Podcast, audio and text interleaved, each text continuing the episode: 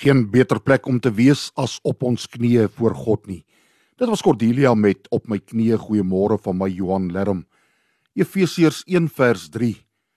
Aan God die Vader van ons Here Jesus Christus kom al die lof toe. Hy het ons in Christus geseën met al die seënings van die Gees wat in die hemel is. Ervaar jy die Here se seën in jou lewe? En indien wel, wat maak jy daarmee?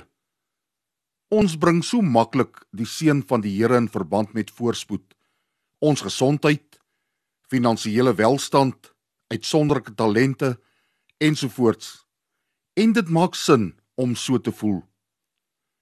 God se seën gaan egter nie net daaroor om ons lewens gemakliker te maak nie.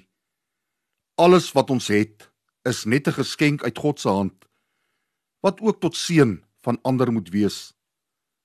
Hoe nader ons aan Jesus leef, hoe groter word ons begeerte om God te dien en hom tevrede te stel.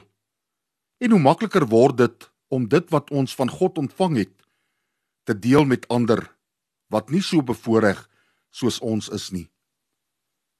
Hoe kan ek en jy vandag tot seën van ander wees? Vader, baie dankie vir al die seënings wat ek so mildelik uit U hand ontvang.